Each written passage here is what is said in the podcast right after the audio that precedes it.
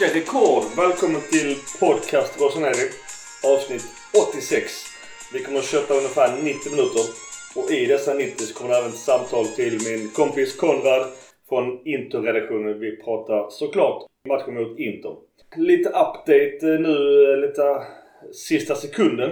Det är ju den här resan, det vill säga Milan-Fiorentina.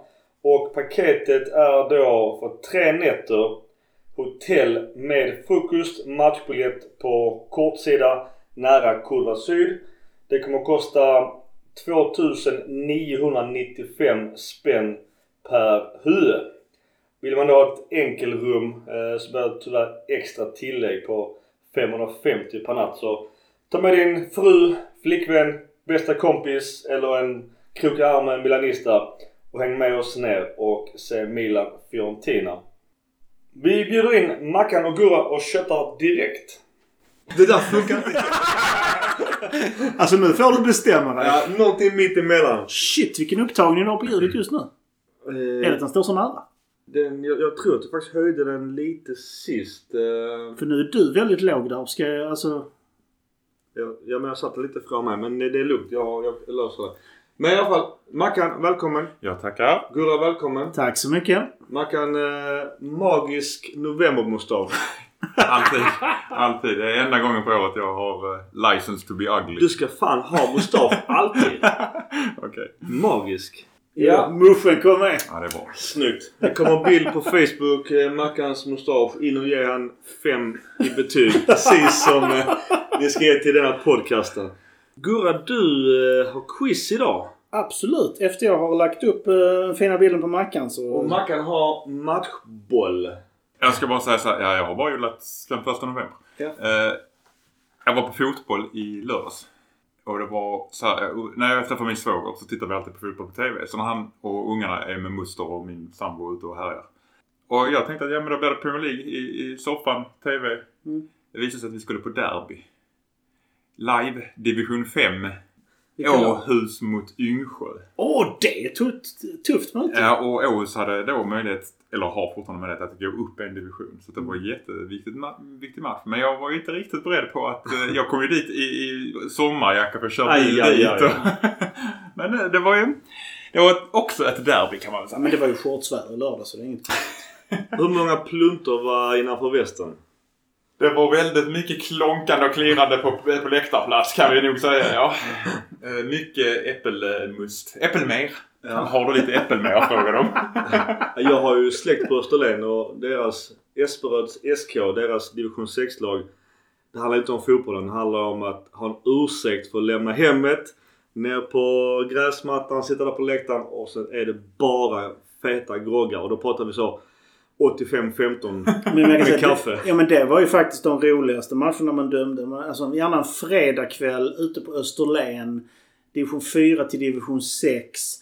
100 till 300 pers på läktaren. Feststämning, skitroligt. Och helt okej fotboll och perfekta gräsmattor och sådär. Alltså de gräsmattorna får man knappt liksom på de största arenorna idag. Spola kröken kom aldrig till Österlen med andra ord. Verkligen inte. De, de trodde att det var skölja flaskor Ja, efteråt. precis. Det borde väl du veta? Du är också uppvuxen där ute. Nog om Österlen och fantastisk division 5-fotboll. Vi quizen eh, Gurra. Ja! Vilket ämne pratar vi om? Historia. Oh, Mackan leder ju med 8-5. oh jävlar. Eftersom Micke ligger under så får Micke välja om han ska börja eller låta Mackan börja. Ja, det är VG historia. Kan man ha nytta av det nu? Ja, du har rätt historiekunskaper. Ja, jag börjar. Det är visst Milan sen. Jag misstänkte det. Ja. Jag börjar. Att Milan grundades 1899, det vet vi allihopa. Men varifrån kom de två som grundade Milan?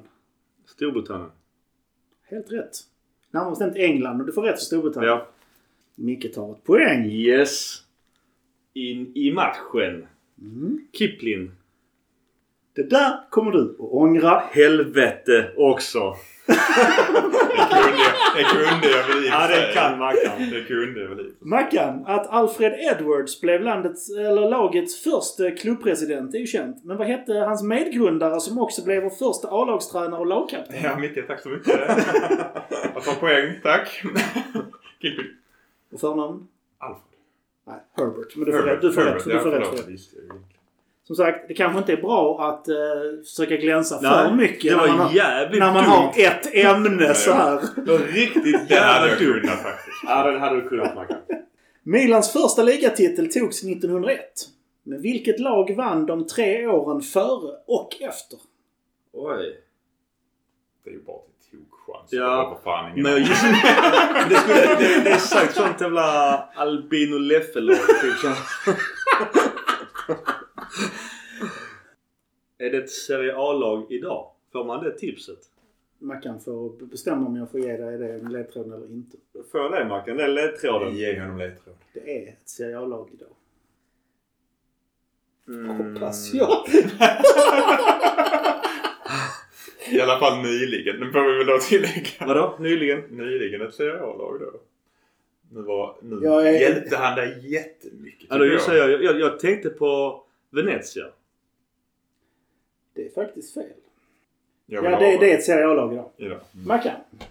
Nu gäller det att lista ut ett lag som då tre år före 1901. Och tre, de tre åren efter. Så då är det grundat innan Milan med andra ord. Eh, Fiorentina. Det är fel. Det är Genoa. Ja. Ja, Shevchenkos nya klubb. ja. Spännande att se vad Shevchenko gör med det. Ni kommer ihåg jag sa att man inte försöker glänsa för mycket. Nej men det här kan ju inte vara historia. Han tog den i veckan. Ja, jag bara skojar. Vem Mackan. Just det. Varför fick klubben heta just Milan när den grundades?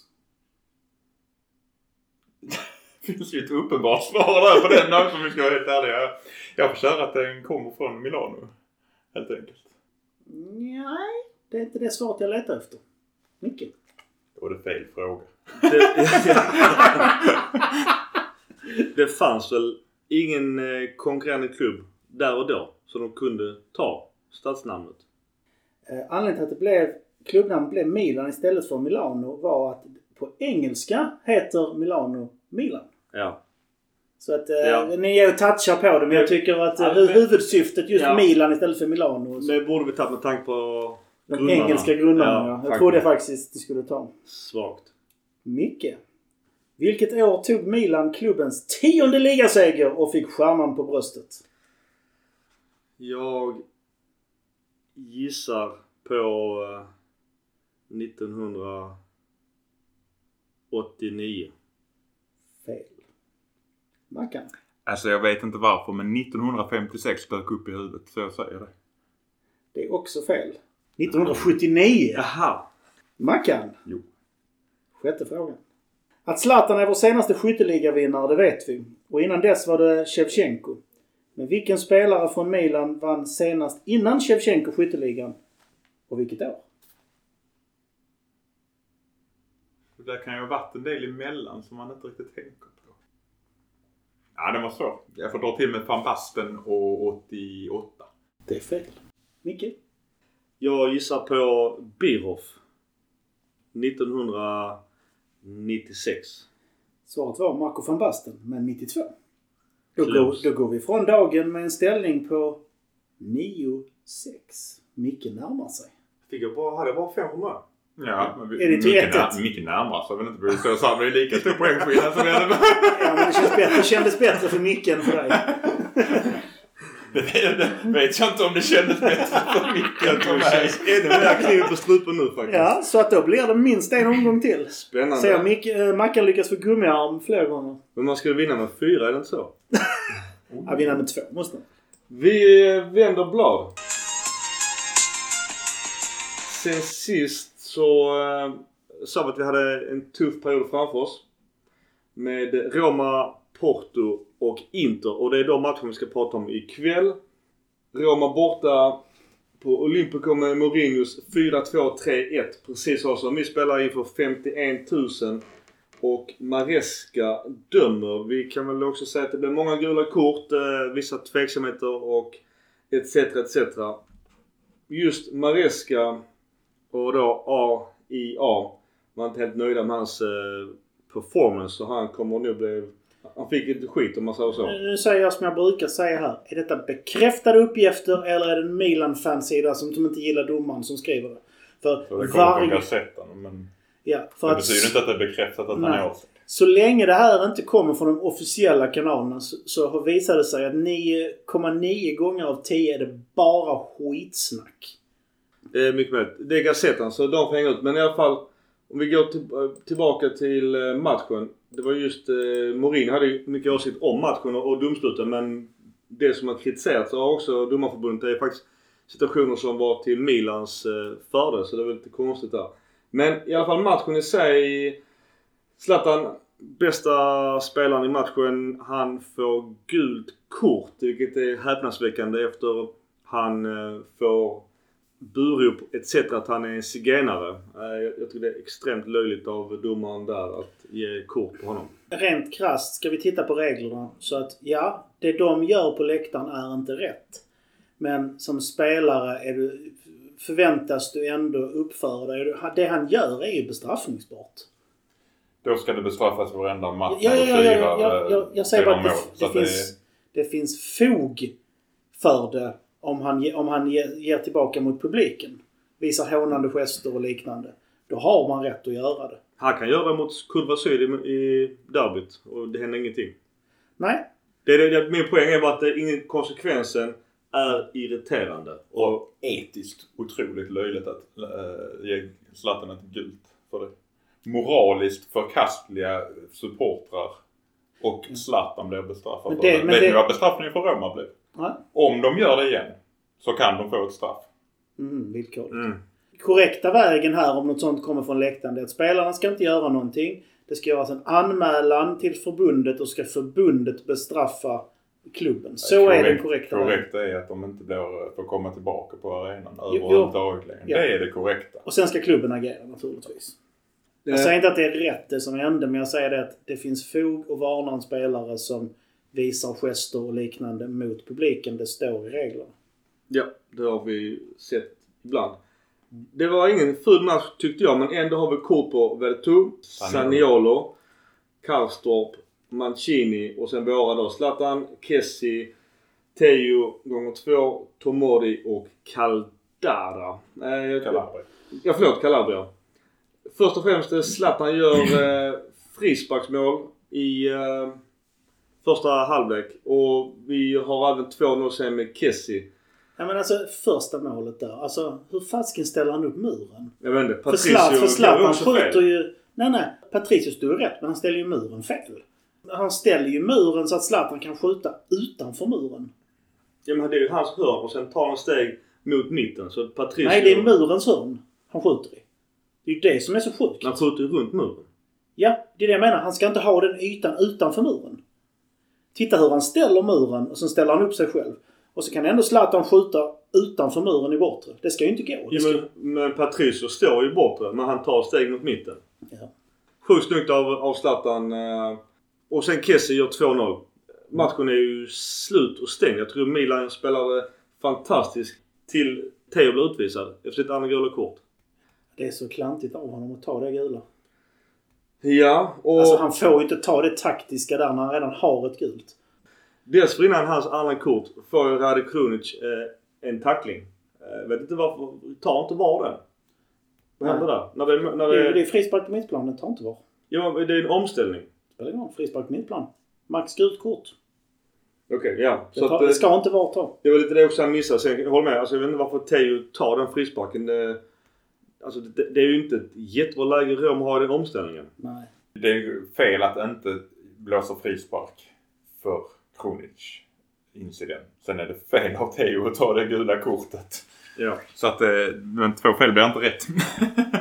Det här med att man så fort man har lite kontakt så trillar spelare på mittplan. Ja, alltså, vi pratar ändå vuxna toppatleter. De kan inte trilla av den, alltså en pissig grej. Så jag kan ju säga det att den, den mot Porto på Benasso var ju mycket, mycket tydligare än den på Krunic. Ja. Den kändes mycket mer bestraffningsbar. Efter eh, vårt eh, andra mål så måste jag bara säga att El Shaarawy, vår gamla Milan-kompis, byts in istället för Tammy Abraham. Just team hade jag stora förhoppningar på och tänkte att det där kan bli riktigt bra. Jag tror inte att Roma kommer köpa honom för 400 miljoner kronor med tanke på hans insatser hittills i Roma. Nej. Jättedåligt. Jag är jättebesviken på honom. Jag hade så höga förhoppningar på honom. Alltså, Tammy Abraham är ett superlöfte men han påminner lite om Leao i anfallsspelet. Han, ska, han är en sån som ska ligga och fiska och sticka liksom. Och eh, det är inte riktigt Mourinho-anfallare. Min man of the match i Roma, det är ju chefen Kjär. Roma. Mot Roma. Mot Roma ja. Mm, Du sa i Roma. Ja. Det kan man misstolka. nu är det länge sedan han spelade.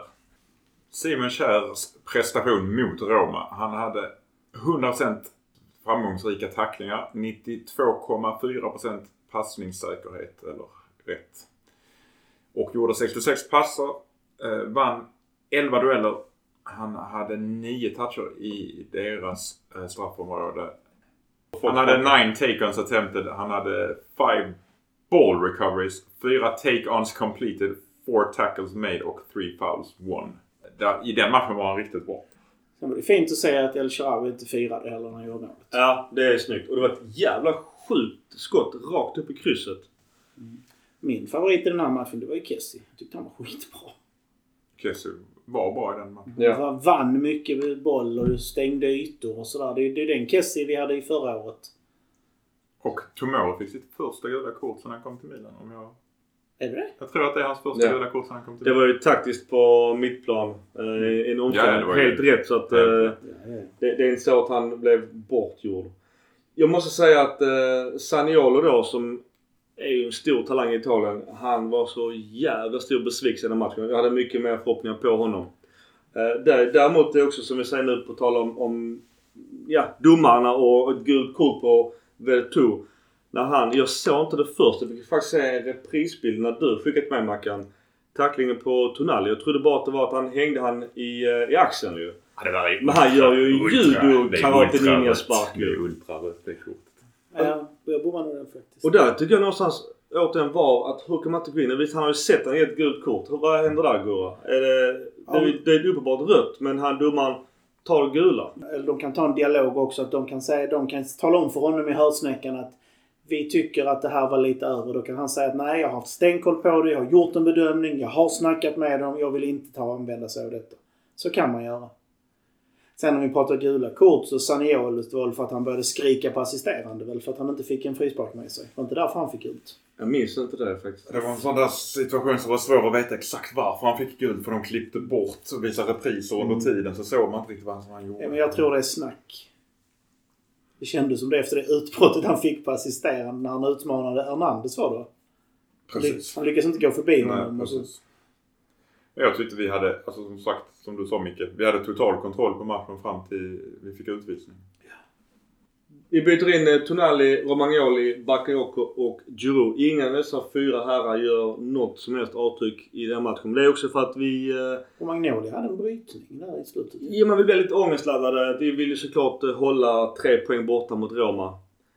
Och eh, Mourinhos eh, ganska bleka lag. Jag vet att det är många som eh, såklart Roma-fans skrek på straff i duellen med Kjär. Och alltså jag tycker jag förstår inte riktigt varför man pratar om det. Kjär är ju klart först i duellen och tar bollen. Så att, eh, att sen, jag tror det är Mancini som ligger kvar och, och filmar. Det är klart att det hör till spelet men med dagens VAR, nu säger inte jag att VAR alltid är så jävla bra men eh, att filma till sig den straffen känns svår att göra idag.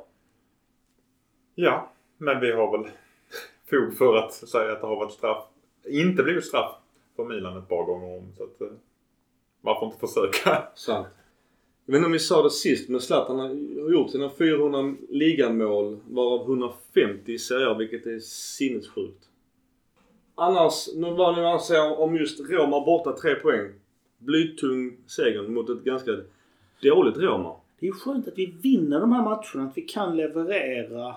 Saknar ordinarie spelare. Vi får utvisning. Vi släpper in mål i slutet. För att något år sedan hade vi ju tappat, om två år sedan hade vi tappat den här matchen. Sist vi såg så pratade vi om just inför Roma och deras match mot Bodo Glimt. Det gick ju inte mycket bättre hemmamatchen. Hur gick hemmamatchen? 2-2. Ja, det är mycket bättre än 06. Ja, det är faktiskt att det... Alltså vi hade också ett problem med Bodo Glimt. Och på tal om Bodo Glimt så är det lite lu- under lupp med eh, Frankfurt och Hauge. För att det, det, det ska ju till dig. klaus- ja, klausulen säger ju att, vi, att de köper loss honom om de får förlängt Bundesliga-kontrakt och de ligger tredje sist just nu. Det var nytt för mig. Ja, ja det visste jag inte heller om den klausulen. Men det, det kan faktiskt bara vara en värdehöjare på honom. Att han har fått utlånad och fått spela lite mer än vad han har gjort för Milan. Så att det behöver inte vara negativt för Milan.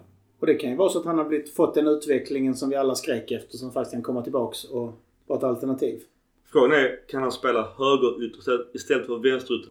Då får vi ju en högerytter som vi har önskat med en hög utvecklingspotential.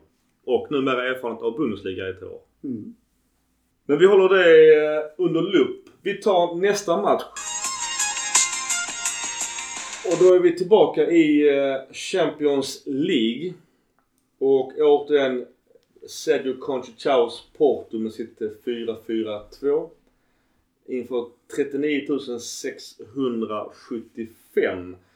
Jag måste säga att jag är sjukt imponerad av Porto. Jävligt svårt lag att möta och Alltså säger man vad man vill om ärkesvint Peppe men fan han håller defensiven bra i Porto. Vi eh, kom ju fan inte mycket åt dem. Som jag sa när han eh, lämnade Real. Jag tyckte det hade varit en klockren värvning. Mm.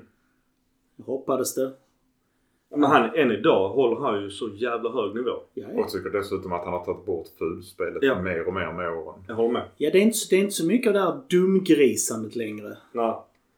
Nej men ett tag stod han ju och hoppade på folks huvud men det, det är väl därför man hatar honom där och då. Men att se honom nu i Porto igen, som du säger, det känns som att han har mognat eller vad man ska säga. Men fan vad bra defensiv de har. Det, Ja, rent krasst, han förlorar ju inte en duell. Nej. Det måste vara jävligt lätt också att spela med honom. Sen att Mbemba gör deras självmål som bjuder in oss i matchen. Det är bara en otur. För att eh, jag tycker återigen att Porto är klart bättre än oss. Jag, jag tycker inte Milan var bra denna matchen heller. Första halvleken denna säsongen jag missar för jag var på fotbollsträning med sonen så jag har inte sett den. Missar det- live eller missar totalt. Totalt. Jag har inte hunnit se in den heller. Jag såg andra. Har du inte på jobbet, dator på jobbet? Jo. Jag brukar använda den till att arbeta med men... Jag ska också säga att eh, Eva Nilsson eh, innan han blev utbytt har, han- har han eh, skott i virket.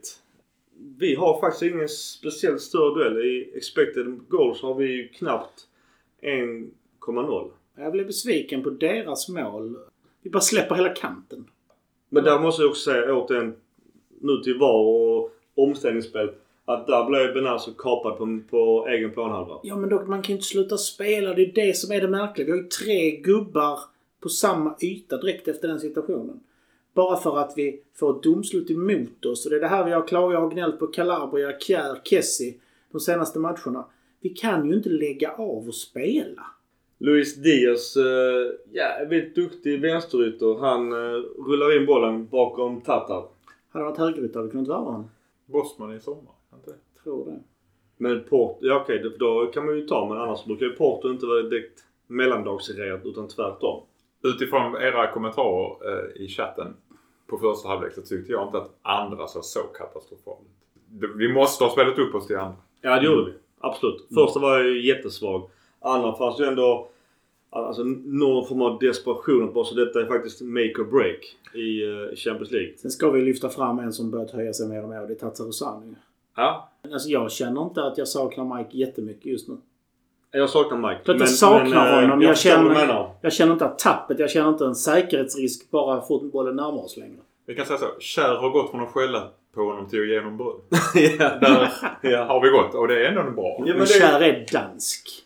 Han gillar Milan väldigt mycket och bara därför gillar jag honom väldigt mycket. Nu har vi en poäng. Vi är ju bottom av eh, den här extremt tuffa Teoretisk möjlighet att gå vidare. Ja, jag, jag såg någon sån sjuka teorier. Jag gillar sådana teorier där, där att de ska kryssa, de ska vinna hit och dit. Vi har ju extremt liten möjlighet att gå vidare. Jag tror inte att vi når heller tredjeplatsen. Vi pratade om det sist, om det är bra eller dåligt att någonstans ställa ut skorna i, i Champions League. Man kan göra som så här att om man jämför med vår klubb i Sverige, MFF, når Champions League och får de pengarna men kommer inte ta en enda poäng i Champions League.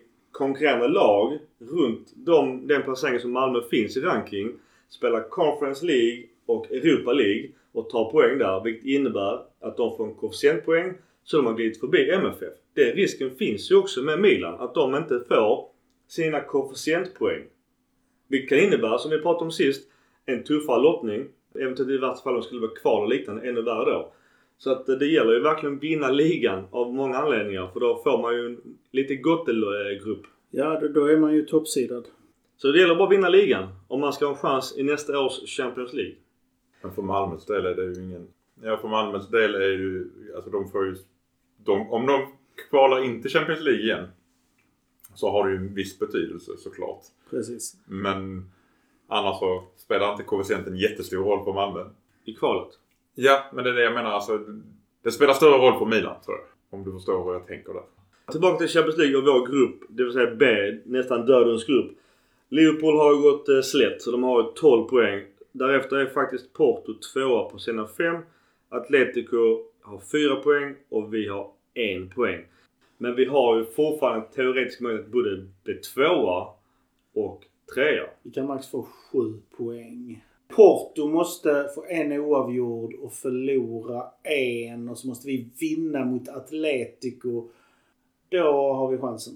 Det gäller ju att Liverpool är Om klara. Liverpool redan är 100% klara, Ja. vilket de i princip är redan. Mm. Det är det som är problemet. De ska helst vinna den nästa match. Ja. Och Milan ska vinna mot Liverpool. Men sen har vi ju en grej med Liverpool och Klopp att om inte spelarna vill vila så vi får, vilar de inte. Det är så det fungerar där. Det innebär att, kommer ni ihåg vad jag sa? Att de börjar bli trötta. Liverpool börjar redan bli trötta. Mm. Jag hade inte jättestora förväntningar på Champions League. Klart att jag ville att vi skulle gå vidare från gruppen. I någon form. Ja. Jag är inte jättebesviken med tanke på att det är åtta år sedan vi spelade och som vi sa var det i förra avsnittet, hur många spelare i Milans trupp har spelat Champions League tidigare. Vi kom väl fram till att det var Zlatan, Juro, Kjär och Magnon tror jag. Jag Mm. tror det var de fyra som har spelat Champions League överhuvudtaget innan. Tomori. Nej. Gjorde han i Chelsea? Han var med i laget men han Ja. fick aldrig spela.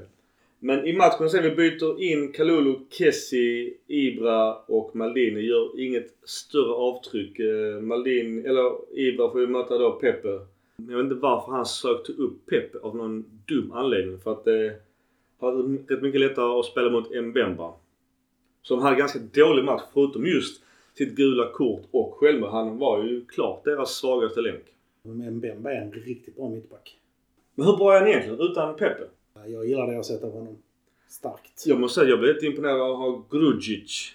Eh, deras centrala mittfältare. Han var jävligt tuff. Det är faktiskt en gammal Liverpool-spelare. Jaså? Liverpool köpte honom som 17-åring tror jag. Okej. Och sen så testade han ungdomsspel sen han var utlånad i 3-4 säsonger.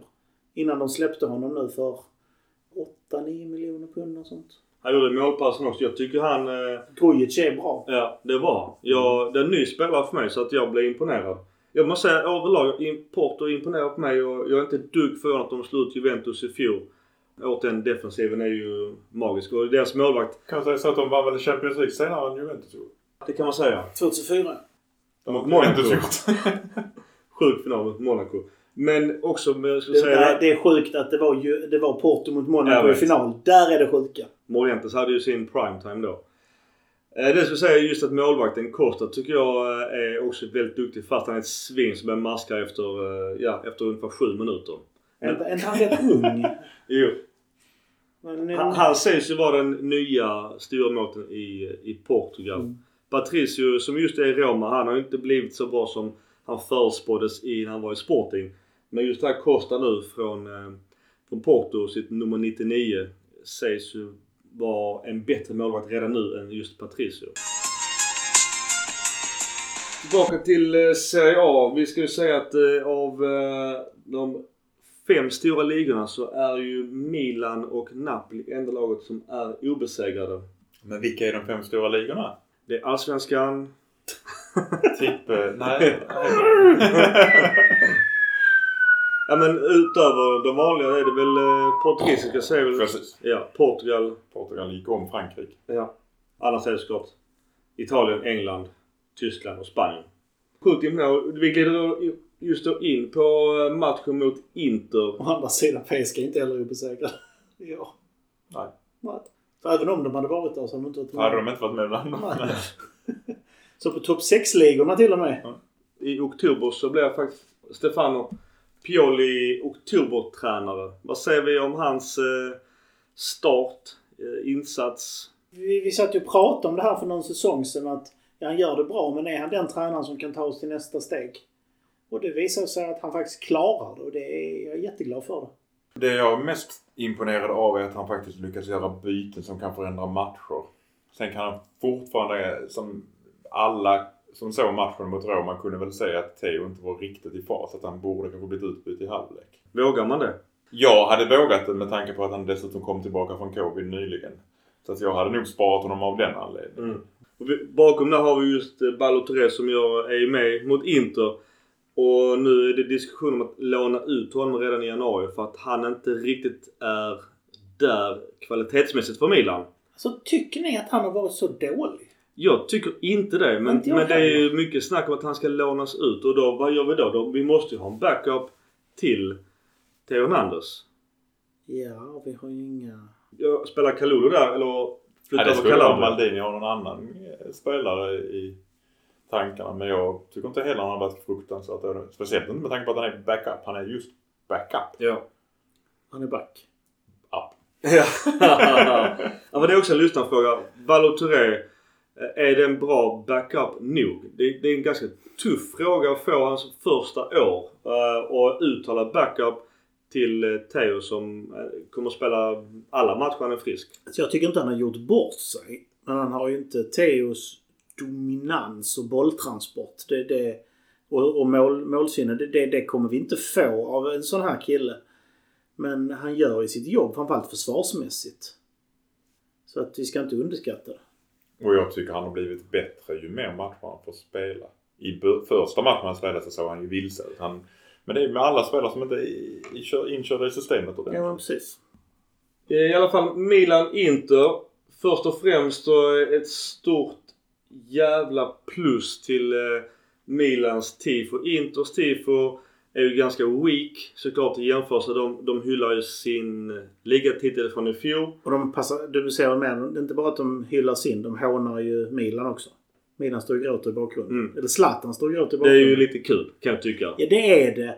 Men, och då är det så jäkla klass, alltså det är så mycket klass av Mi- Milan-fansen att bara skita i hånet för de anar nog vad som är på gång och hylla covid-pers- covid-personalen istället. Ja, vi alla har ju sett det. Först och främst innan då stora flaggan eller vad man ska säga. Så är det då eh, rött, vitt och svart i eh, som den här eh, hjärtfrekvensmonitorn och sen så just Grazie då. Och sen kommer ju sån jävla mäktig banderoll med, med sjukhuspersonal att eh, Milan då hyllar dessa enorma hjältar i sjukvården. Jag tycker det är så jävla snyggt och det ska lyftas fram. Jag såg också det i Milan Club Svestias eftersnack efter matchen. Det derbyt. Jag vet fan, alltså det, det, det är så jävla mäktiga poäng. Det är en annan snygg grej som eh, Kurva Sud gjorde under, under matchen. En av ledarna för Kurva Nord, hans dotter är svårt sjuk i leukemi. Mm. Hon heter Anita och de eh, hänger upp en banderoll att vi är med dig Anita. Ja. Det tycker jag Det, texten de skrev ovanför den här banderollen var eh, Milan glömmer, Milano glömmer aldrig. Och hyllar hjältarna. Så det är dubbelt snyggt. eh, Och de, de sjöng och köttade hela matchen. Och som du säger just det här att, att uppmärksamma en sån sak att, att motståndare, eller rivaliteten är väl inte samma som i många andra städer. Men att ändå att man uppmärksammar det och, och visar uppskattning, hänsyn och, och någonstans krya på. Jag tycker det är jävligt snyggt. Okej, vi tar en paus och släpper in min eh, internetkompis Konrad som skriver på Svenska fans och deras Inter-redaktion. Bara lite så vad han säger om matchen och eh, dessa situationer. Så ja, han kommer här. Eh, välkommen Konrad från eh, Inters Svenska fans-redaktion. Tack så mycket. Du, eh, först och främst eh, 1-1 igår. Spontant åsikter. Ja, men det var att man, eh, att man från Insters eh, sida slösade bort det lite grann och hade chansen men, eh, men tog inte den. Och sen sista tio minuterna så ska man ju nästan vara glad för att det inte blev något mål för Milan. Men jag tycker överlag så, så gjorde man, slappade man bort det, chansen och, och ta en seger. vet man ju aldrig vad som händer efter mål och sådär. Det kan ju bli att Milan tar över och allt och, man gör 2-1 på den straffen till exempel. Men rent generellt så är jag ändå lite besviken, måste jag säga. Ja, du skriver din eh, krönika efter match eh, att nu får Inzagis Inter tufft att gå förbi tabellen. Fast vi bara har gått eh, knappt en, eh, en tredjedel ens. Ja. Är det redan, redan kört menar du på? Nej, men alltså jag menar mest att man får se det som vad det är. Att det är, tre, att det är eh, sju poäng som skiljer. Inte på något sätt att jag känner att det är uppgivenhet, någonting sånt där. Utan det är mer att man får... Att eh, killarna i laget och runt omkring kanske får, får rannsaka sig lite grann nu. Det har man blivit lite för många oavgjorda och jag ska säga att i fallet Juventus och Milan så, så så var det matcher där man inte fick med sig det resultatet som man kanske hade velat och, och kunnat. Men just att det har blivit så mycket jämna matcher. Man behöver göra ett större statement i sina matcher. Man behöver prestera bättre mot bra lag än vad man har gjort hittills. För det är mest det. Det är inte att jag tror att det är kört utan, utan det är väl mer att nu, jä, nu jävlar måste de visa lite, eh, lite vilja och lite, eller vilja visar de, men jag vet inte vad jag ska säga. Det är något som saknas. Det är den lilla, det lilla extra som bidrog till den motorn som, som inte blev i, i våras. Så det kan ju vara att Conte saknas, det vet man inte. Jag gillar ju att du skriver artikeln efter match, nästan direkt efter. Det är då man har känslorna. Jag vill också kunna egentligen ha Eh, podcast efter matcherna direkt. För det är då man eh, kan kötta ordentligt. Och Svenska fans i Milanforum tycker ju att du är ganska hård. Just det här med att eh, lillebror, det vill säga Milan då, har fått med sig allt under hösten. Nu var det dags för Inter att visa hur mediokert det rödsvarta lagets trupp och tränare verkligen är. Det är ju ord som eh, känns ju hårt i våra hjärtan. Hur, hur tänkte du där kring den, den hårda meningen? Ja, för det första så är det så här, jag är inte känd för att trycka till i mina krönikor. Det är jag inte. Jag, eller i alla fall inte mot andra lag.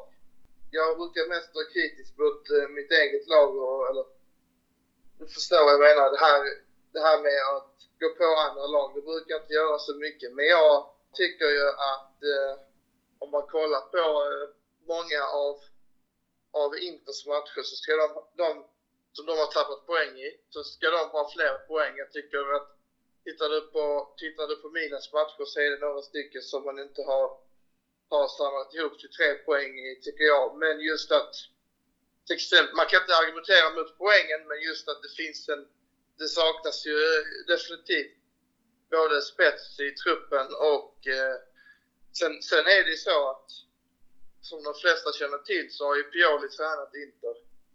Sen dess har jag ju insett, och även när man kollat på hans tid i, i Fiorentina och så vidare, att det har varit en tränare som... Det, det, han har en viss sprinttid på ett eller två år. Och jag, jag menar på att om jag ska lyfta fram något så truppen tycker jag är betydligt, är betydligt mer lovande än vad Pioli som tränare är. Det har jag sagt sen, sen början på förra året. Men så har han gjort imponerande med Milan men det, det finns ändå just stora frågetecken kring hans karaktär. Och liksom förra året så tror jag att det inte kommer räcka hela vägen fram för Milans skull. Så det är där jag landar och sen så tar man i med tårna eh, och man tar i med, med för att jag känner det är en derbymatch för jag vill hetsa lite. Jag har inte gjort det så många gånger tidigare. Jag gillar hets. Ja, men så Konrad, man måste hetsa. Det, jag tycker det ändå, jag, jag gillar det. Jag, jag, jag tycker du har fel såklart. Eh, men jag, jag gillar att du hetsar. Det, det fan det hör till. Och jag tycker att vi är så jävla bajsnödiga så att jag, jag välkomnar sånt här hets. Det, det är ändå med glimten i ögat och lillebror och lilla syster hit, Jag tycker det är kul. Jag, är likadant själv så jag tycker det är gött att du gör det. Men däremot, ja, men jag, däremot jag, jag, tycker du har fel i, i allt. Men eh, det, det är klart att jag måste säga det utifrån min röd-svarta hjärta såklart. Men om vi går tillbaks till, till matchen i sig. Det är ju två straffar. Eh, de är ju klara efter var. Men eh, utifrån din synpunkt som blåsvart åsikter kring straffarna och att just Hackan sen tar straffen. det, den första straffen är ju, är ju märklig liksom. Den är, den, eh, den är, det är både klumpigt och oturligt och jag tycker väl att det är eh, liksom en billig straff men det kanske är korrekt liksom. Men, men när, det, när det gäller den andra straffen så är det lite svårare att avgöra vad jag tycker faktiskt. Man har ju sagt att eh, som jag förstår det, diskussionen kring eh, den typen av tacklingar så ska man inte alltid bedöma, tar han bollen? Utan ibland så ska man också bedöma satsningen och träffen på benet eller foten och allt det där. Jag tyckte ju när man såg det första gången att det var en jättedålig klumpig tackling och det här är ju en spelare som jag attackerade själv i texten också, Paolo Touré. Jag tyckte det var nej men ett tecken på det här jag sa att, att trupp är eh, spetsig men inte särskilt bred. Och det, det tyckte jag var ett tecken på det. När Kalulu kom in i andra halvlek var det mycket bättre. Men, men om vi ska gå tillbaka till situationen i sig så tycker jag väl att, eh, att det andra är straff och att det första är, är ja, det skulle väl kunna vara straff men hade de tagit bort den så hade jag, hade jag förstått att eh, de hade tagit bort den straffen faktiskt. Och just eh, Håkan-kråkan då som eh, har spelat i Milan tidigare, lämnar som bossman, är uppenbart bitter som fan på Milan men ändå lägger ut en jävligt konstig pre-post bild på Twitter och Instagram. Va, vad säger du om hans insats kort och hans bild inför och hans eh, målfirande mot eh, gamla Kurva Syd? Ja, bilden är ju... Alltså den är ju, den är ju klass för sig det är ju eh, jättekonstigt och ja, ganska dumt. Men, men eh, ja, jag, jag misstänker väl att det är någon sociala mediegubbe som får, får lite för bra betalt från Hackan.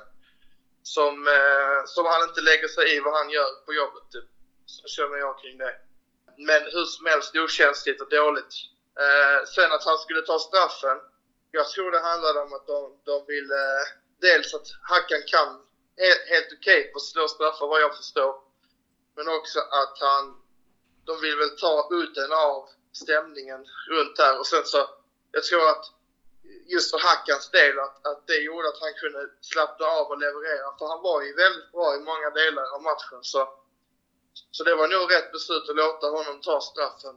Sen när det gäller firandet, det är klart att man mår bra eh, i ett interhjärta då, att det, att det värmer till. Men eh, jag tycker att eh, när det gäller, eh, om vi säger respekt och, och vördnad för gamla klubbar så anser jag att det finns ett undantag när det, när det gäller rivalklubbar.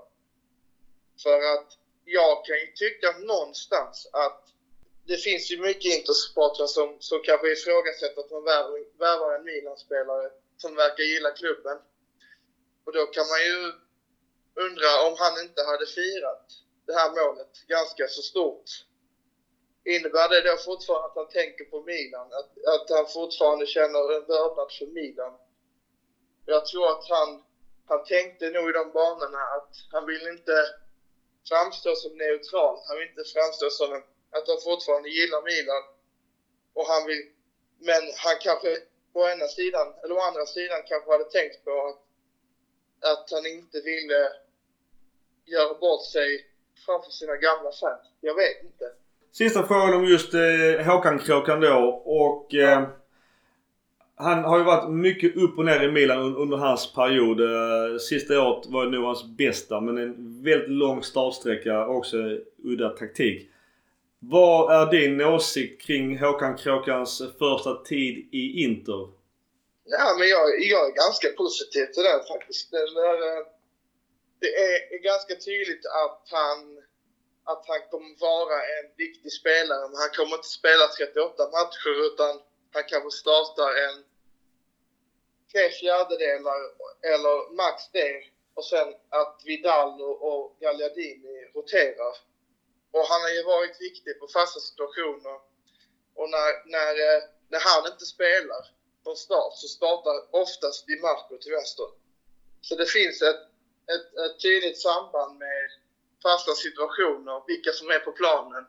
Och, och alltså mellan de två då, Di Marco och Chalanoglu, en av dem måste finnas på planen för att det ska kunna funka rent eh, med fasta.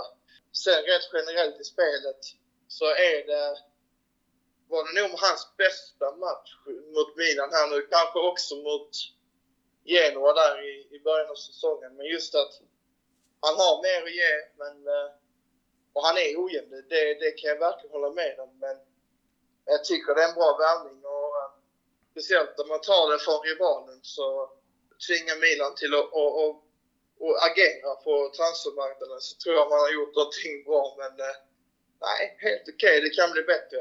Absolut, så är det. Du Konrad, tack för din tid och fortsätt eh, köra krönikor. Jag tycker fortfarande att du är lite för snäll och pekar. Jag tycker du kan kötta mycket hårdare. Du ska inte vara blyg. ja, nej men jag kände igår så var det dags. Jag gjorde det även inför Juventus så att... Eh... Som man säger Konrad, släpp sargen och börja kötta mera.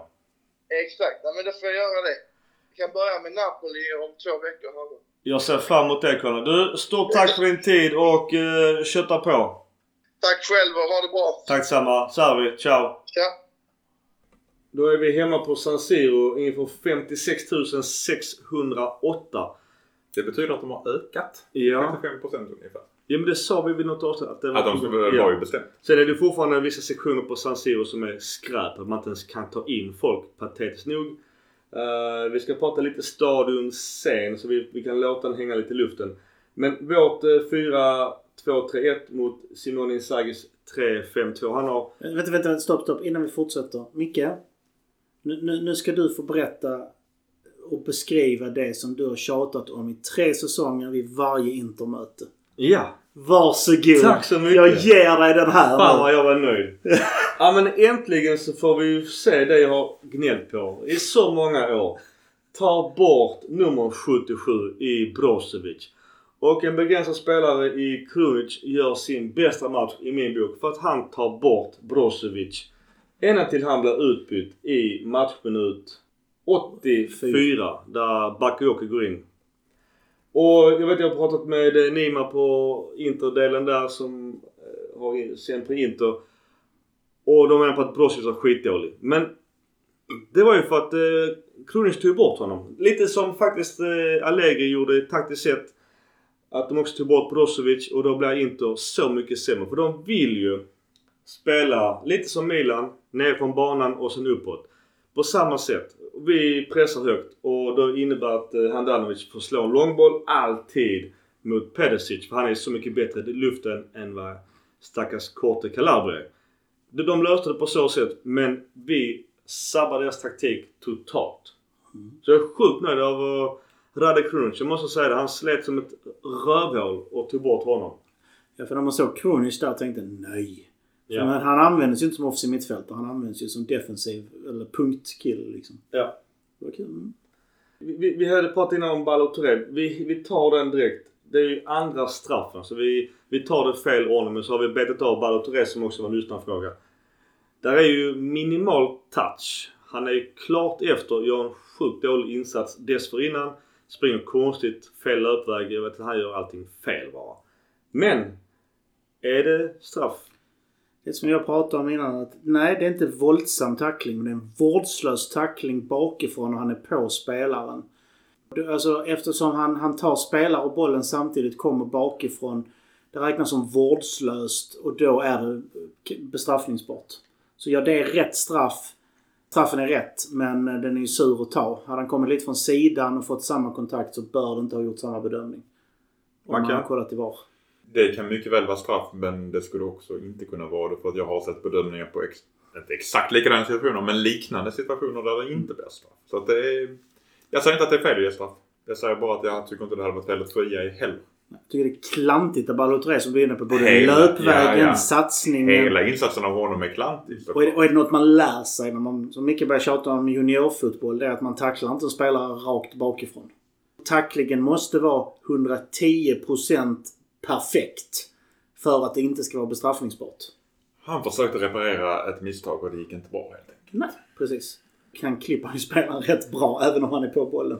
Många saker i detta som är jävligt dåligt av honom. Men om man bara betar ner det utifrån slow motion som också som var... precis var satt och sa att han inte var så dålig men just detta var dåligt Ja. däremot. Men det, han har ju faktiskt en touch på bollen. Men sen så ser man reprisbilden i slow motion att ja varför går benet upp? Det är då han klipper honom. Hade han bara haft benet bara matat rätt ner i gräset. Då är det ju inte straff. Men eftersom han höjer benet efter sin bolltouch Det hade, det hade kunnat vara straff ändå som han är på, hans knä på det andra benet. I första läget. Han touchar ju i första läget. Ja, Så att den är... Den det, var, det, var, det var en sån situation just där med knä mot knä som Porto la straff mot oss borta där det friades. Så att återigen, det är inte kanske helt i, konsekvent i bedömningen men summa summarum straff. Sen måste vi, när, detta blev fel ordning, jag får ta det på mig. Men eh, straffen, de byter straffskytt. Martinez tar den. Och sen så gör ju Tatar en alltså, sinnessjuk räddning. Och återigen, chefen Kjär hyllar helt plötsligt honom. Ja, det är en riktigt bra räddning. Jag vet inte om ni har tänkt på det innan men de andra straffarna han har fått ta. Ser det nästan ut som att han inte vågar sträcka ut. För han tar, vill ta emot med den armen på det hållet han slänger sig. Så han vågar inte. Men här st- sträcker han ut. Och når då de där 20 centimeterna längre som han behöver göra. Och är först på returen. Ja. Bara det. Eh, Landar upp, tar bollen. Det är riktigt snyggt målvaktsspel. Det är sånt som också i långa loppet är så sjukt mycket moralpoäng och självförtroendepoäng som innebär då att Kjär och Tomori med flera kommer kunna lita på dem att gör man en straffräddning i derbyt framför... eh, Var det, var det första eller andra halvlek? först. För, eh, bakom då kurva syd. Då har man rätt många förtroendepoäng både från läktaren och eh, Maldini och eh, försvarslinjen. Mm. Så jag tror, jag tror Tata kan växa enormt mycket på grund av denna räddningen och att Milan i slutändan det blir 1-1. För det vet ju såklart alla. De Vrij gör själva. Märklig ordning vi tog den. Ja, jag vet Det var det. det. Men då backar vi 10 minuter till första situationen. Ja, och då vet ju också alla återigen en annan straffsituation. Kessie eh, gör även han allting fel. Alltså vad, vad, vad gör killen? Han tar bollen, är markerad av två, vänder hemåt, småduttar, blir omsprungen. Hakan går in framför honom och i princip tar bollen. Då stoppar han in sitt ben mellan Hakans ben och så går de omkull. Straffen är inget att säga om. Kessie begår tjänstefel. Det är så mycket fel på så liten yta. Mackan, åsikt, situation. Ja, jag är än en gång jag var en spelare till som gör, eller börjar med att göra allting fel. Mm. Jag fattar inte varför han vänder mot mål där. Det är inte så att han är jättehårt uppvaktad i början heller. Nej. Så jag fattar inte alls. Och ska du gå mot mål där, passar då målvakt? Han kunnat spela hem bollen. Ja. Han har ju jättemånga touchboll. Han kunde ju dratt den på, till ring 3. Han kunde gjort precis allt annat. Jag pratade ju med Oskar och, och Danne efter i, på Milan Kubsvetsia-snacket. Jag älskar Oskars eh, konspirationsteori. Att han och Hakan är polare. Hakan eh, gör straffen sen och alla vet vad som hänt med Hakan och Milan. Och nu sitter Kessie i en liknande situation. Alltså det var så jävla konstigt.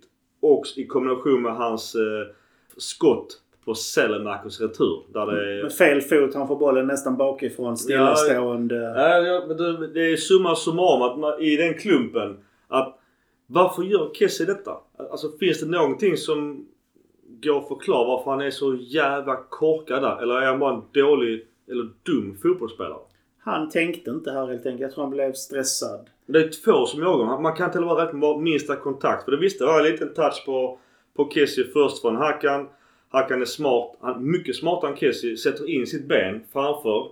Eh, och visst det är lite minimal touch på en supervältränad kille. Men han kan ju inte trilla av den anledningen. Och Hakan är, är, han är ju smart där. Han är i straffområdet. Allt annat är historia. Mm. Ja, han kan göra... Han ska faktiskt ha beröm för den insatsen för det gör han allting rätt. Ja, helt rätt. Sen är det ju dock en annan spelare som jagar Kessie på andra sidan. Så att, alltså jag förstår verkligen inte var, varför han inte bara slog den till hörna. Passa hem till Tatousan. Det är så... Dra den över sidlinjen. Ja. I alla fall, den straffen slår ju Håkan Kråkan i mål. Stenhård straff mitt i mål. Och han ska ju glida på gräset. Tack och lov så ser ju Dzeko detta och, och knuffar honom i luften så det blir ju lite pajas av det. Eh, pajas av en pajas. Men Det, jag, tror, Efter. jag tror han ville rädda honom så han inte skulle bli utbuad hela matchen. Och det Det var- blev han ändå. kan jag- Jo, jo, jo, men-. Men tänk om han hade ställt sig där och börjat hitta på någonting. Men det gjorde han det, det där, vi kan ta upp den här om ni vill. Jag är, jag är riktigt sur på honom för att det, du pissar på fem år av ditt eget liv. Ja. Faktiskt, jag tycker det är riktigt dåligt. Mario Pasadic spelade en halv säsong i Milan. Han firar fortfarande inte när han gör mål mot Milan. Sharawi firar inte när han gör mål mot Milan. Det är tio år sedan han spelade i Milan. Så Hakan är en pajas. Ja, han är Helt pajas. Och, och nu vet inte vi exakt varför han lämnade. Jag, jag är inte säker på att det bara handlar om pengar. Det sägs ju att, att det ena som ville behålla honom var just Pjol, eller tyckte han var värd de pengarna som, som Håkan Kråkan ville ha. Oavsett vad så, nu har vi Diaz och, och vad det innebär. Men eh, han firar ju sen. Han, efter alla har kramat om honom så står han och firar. Jag är ju Ronaldo-firandet mot Inter med eh, kaninöronen. Jag vet inte exakt den storyn varför han gör just kaninöronen mot Kurva Syd. Förutom han dessförinnan har lagt upp en jättepatetisk bild på sociala medier där han är klädd både i Milan och Interkläder. Alltså bara det är ju pajasvarning. Alltså rent krasst, vill inte han bo i, den, i Milano? Han kan ju, han borde inte, han kan ju inte, kan, kan ju inte knappt gå ut på gatan numera. Han är så korkad. Han menar på att nej men Milan-fansen tycker om att vi tar selfies och bla bla bla. Men den bilden är ju patetisk. Inter-supportrarna måste ju tycka jätteilla om honom att han tar och lägger upp en bild innan derby i, även i Milan-kläder. Hade det varit någon som hade gjort det på något snyggt sätt, lämnat i välförstånd och ville visa att jag gillar bägge klubbarna men jag spelar för en nu. Helt andra förutsättningar hade jag kunnat köpa det. Det är lite för tidigt, lite för infekterat, det är lite för osagt. Too soon! Ja, alltså och Hackan kanske inte riktigt är liksom barnet av staden på det viset liksom. Men Mackan, eh, banderollerna därefter matchen. Ja men alltså det är ju barnsligt såklart. Men vad fan förväntar du dig? Ja, du har ju jag bäddat för det, Som du bäddar för. så, som man bäddar för man ligger. Det är så enkelt är det. Bokstavligt talat. Ja, verkligen. Eller som i hans fall som man bäddar för man knullar. Det vill säga hans fru är ju om lott någon annanstans eller har varit. Och det är klart att Kurva Syd vet om detta här och de hånar honom såklart i banderollen. Det är rätt tufft att ha en sån banderoll på bron. Utanför ens lägenhet. Så det syns in i hela lägenheten. Ja, jag, jag är rätt, nu, nu gissar jag, men jag tror inte att man hade haft en banderoll om man inte hade valt att fira. Nej, jag tror inte det heller. Man skiter ju inte där man äter. Nej. Det är en grundläggande grej. Och det gör ju han här. Ja. Snacka om att bränna broar. Är det så att han vill bort från Milano efter den här säsongen? Till någon annanstans? Han hoppas kunna göra en sån bra säsong i Inter så att han blir såld. Ja, men det är ju inte det. Alltså, nu har jag inte sett alla Inters matcher men det är ju inte det att han har varit övertygande i Inter. Nej. Vår kompis från Milan Kulusevski, jag, jag ser, han la upp en tweet eh, just efter Juventus-matchen. Där Håkan Klockan träffar ju någon Interspelare som tar en reflection. Eller Juve-spelare som tar en reflection. Och sen drar i ribban och sen så målet därefter. Men eh, han fick ju det av fotbollslabbet av Ola som har full koll. Som också har varit med några gånger. Och enligt deras statistik, eller deras program. Så har ju nu Håkan Kråkan varit en eh, väldigt duktig seriespelare. I Men enligt, deras, enligt deras statistik så har ju Milan överpresterat hela serien Ja. i år. Mm. Statistik är jättebra. Men vad pratar du om? Ofta. Framförallt när vi pratar om Zlatan. Mm. Mjuka värden. Ja. Som inte går att ta värde på. Nej. Hackan har väl då inte särskilt många mjuka värden om vi säger så. Jag, jag skrev faktiskt ett svar på det eh, och, och har inte fått svar. Men det är där. Så om du har en jävligt dålig målsumpare. En Piontek till exempel. Och skapar skitmånga expected goals och han bränner alla. Har man då överpresterat eller, eller underpresterat? Eller har man då en, en supermålvakt som räddar, straffar etc. etc. Hur, hur gör man då med det här expected goals kontra statistiken att man har överpresterat eller inte? Som sagt var, sannolikhetslära och statistik i all ära men det, det, det beskriver inte verkligheten alltid. Statistik ljuger aldrig, men man kan ljuga med statistik. ja. Men däremot, jag, som jag har sagt, att allting går inte att statistikföra. Min pappa brukar säga att med statistik kan man sälja konserverad gröt. Jag vet inte riktigt vad han menar med det. 100% av, av alla som deltog i den här undersökningen tyckte att konserverad gröt var det godaste någonsin. Precis, och en hade, en hade provat det. Det, det är sån SVT-rubrik. Åh, de har rekordökat. Så bara så, okej hur många har frågat? Du sa 27 personer. Varav fyra har en annan åsikt nu än tidigare. Bara som, det är ingen rekordökning. Det är, det är bara dålig statistik på en dålig journalistik. Nu säger inte vi att fotbollslappet är det, för de är jätteduktiga. Så Ola är grym. Men, men man Men vi glömmer... sa det, alltså vi sa ju att statistik är all ära men det Ja. finns vissa värden som inte representeras. Ja, för, för det är också som jag har skrivit också. Milan har spelat i vissa matcher och delar av matcher inte bra. Men som också vi har sagt, det är också ett, en storlagsvibb att ta sina tre poäng. Alltså som vi pratade tidigare i förra avsnittet med, med Bologna, mot Verona, mot Torino. Att ta de här nio poäng utan att få ta sig eller imponera. Det är fan jävla chefsegenskap också. Fråga Napoli vad de tycker om Verona. Ja, ja precis. Det måste jag säga. Vi- jag tror vi nämnde det sist men Diego Simones son spelar ju i Verona. Han är ju tyvärr inte jätteung annars hade han varit värd hur mycket som helst. Men fan han öser i mål i eh, Verona. Han, har- Han är grym. Han gjorde, vad fan var det, fyra mot Lazio, mål mot, Juventus. och- Giovanni Simeone. Ja. Formtopp. Han var ju på ropet för några år sedan. Han spelade i Genoa var väl... Nej, när han spelade i Fiorentina. Fiorentina var han i. Då var han på ropet till många storklubbar. Sen så hände det ingenting och så gick det i stå och sen... Eh, vi går tillbaks till matchen. Vi byter in Kalulu, Bakayoko, Rebic tillbaka från skada. Också en lyssnarfråga. Han är tillbaka. Och Selemakers. Selemakers eh, har ett stolpskott. Eh, return då bränner Kessie. Jag är förvånad. att Kessie missar. Ja, returen. varför sköt egentligen Selemakers där? Han hade ju faktiskt... Han hade ju möjlighet att passa. Ja. Men det var ju inte dåligt skott. Nej, jag blev förvånad hur pass bra då för att jag... Fattar du hur mycket det hade gjort för hans självförtroende om Ja, han hade fått in målet där? Ja. Men och så rent krasst, alltså man kan gnälla på Kessie där men han får den på vänstran, han får den snett bakifrån, han måste tvärnita, vänd, stanna och skjuta stillastående. Det är ett svårt skott att ta och han får en felträff. Jag kan säga så här. Tittar man på matchen så tror jag ju inte på någon konspirationsteori för Kessie var inte dålig resten av matchen. Nej. Han gör misstaget i för, där vid straffen. Vid Ja, det, ja absolut. Men Och sen, det och sen, jag, nej, och sen är han bra resten. Om man summerar denna matchen så tycker jag det är två halvlekar. Jag tycker Milan är bättre i 40 minuter. Fastän de har två straffar. För jag tycker de har inga, de har inga eh, målmöjligheter på öppet spel. Utan det är straffarna de får. Sen de sista minuterna i första halvlek är Inter mycket bättre. Inter har ju 3,0 i expected goal. Så jag tänker egentligen tre perioder. Mm. 40 minuter första 40 minuterna är Milan bättre. Nästa 40 minuter är Inter bättre. Sista delen är Milan fantastiskt mycket bättre. Mm. Alltså jag trodde också, precis som kommentatorerna på Simon var inne på, att nu är Milan nöjda med ett poäng för vi bytte in defensiva spelare. Men vi blev ju mycket mer offensiva när Bakayoko kom in. Han var jättebra den stunden han spelade. Sen ska vi inte underskatta. Jag tycker 1-1 var inte orättvist åt något håll. Nej, nej, alltså det var, jag tycker det var ett rättvist resultat utifrån hur matchen... Ja. Däremot kan det ha blivit, nu har jag faktiskt ingen koll på men det kan ha blivit en dyrköpt poäng för Inter som också jagar oss. För vi är fortfarande rätt många poäng före Inter. Men både Barella och Dzeko gick ut med eh, känningar i baksida lår. Eh, det kan ändå vara någon vecka de är borta. Nu är det landslag Ganska nöjda med landslagsuppehållet. Ja.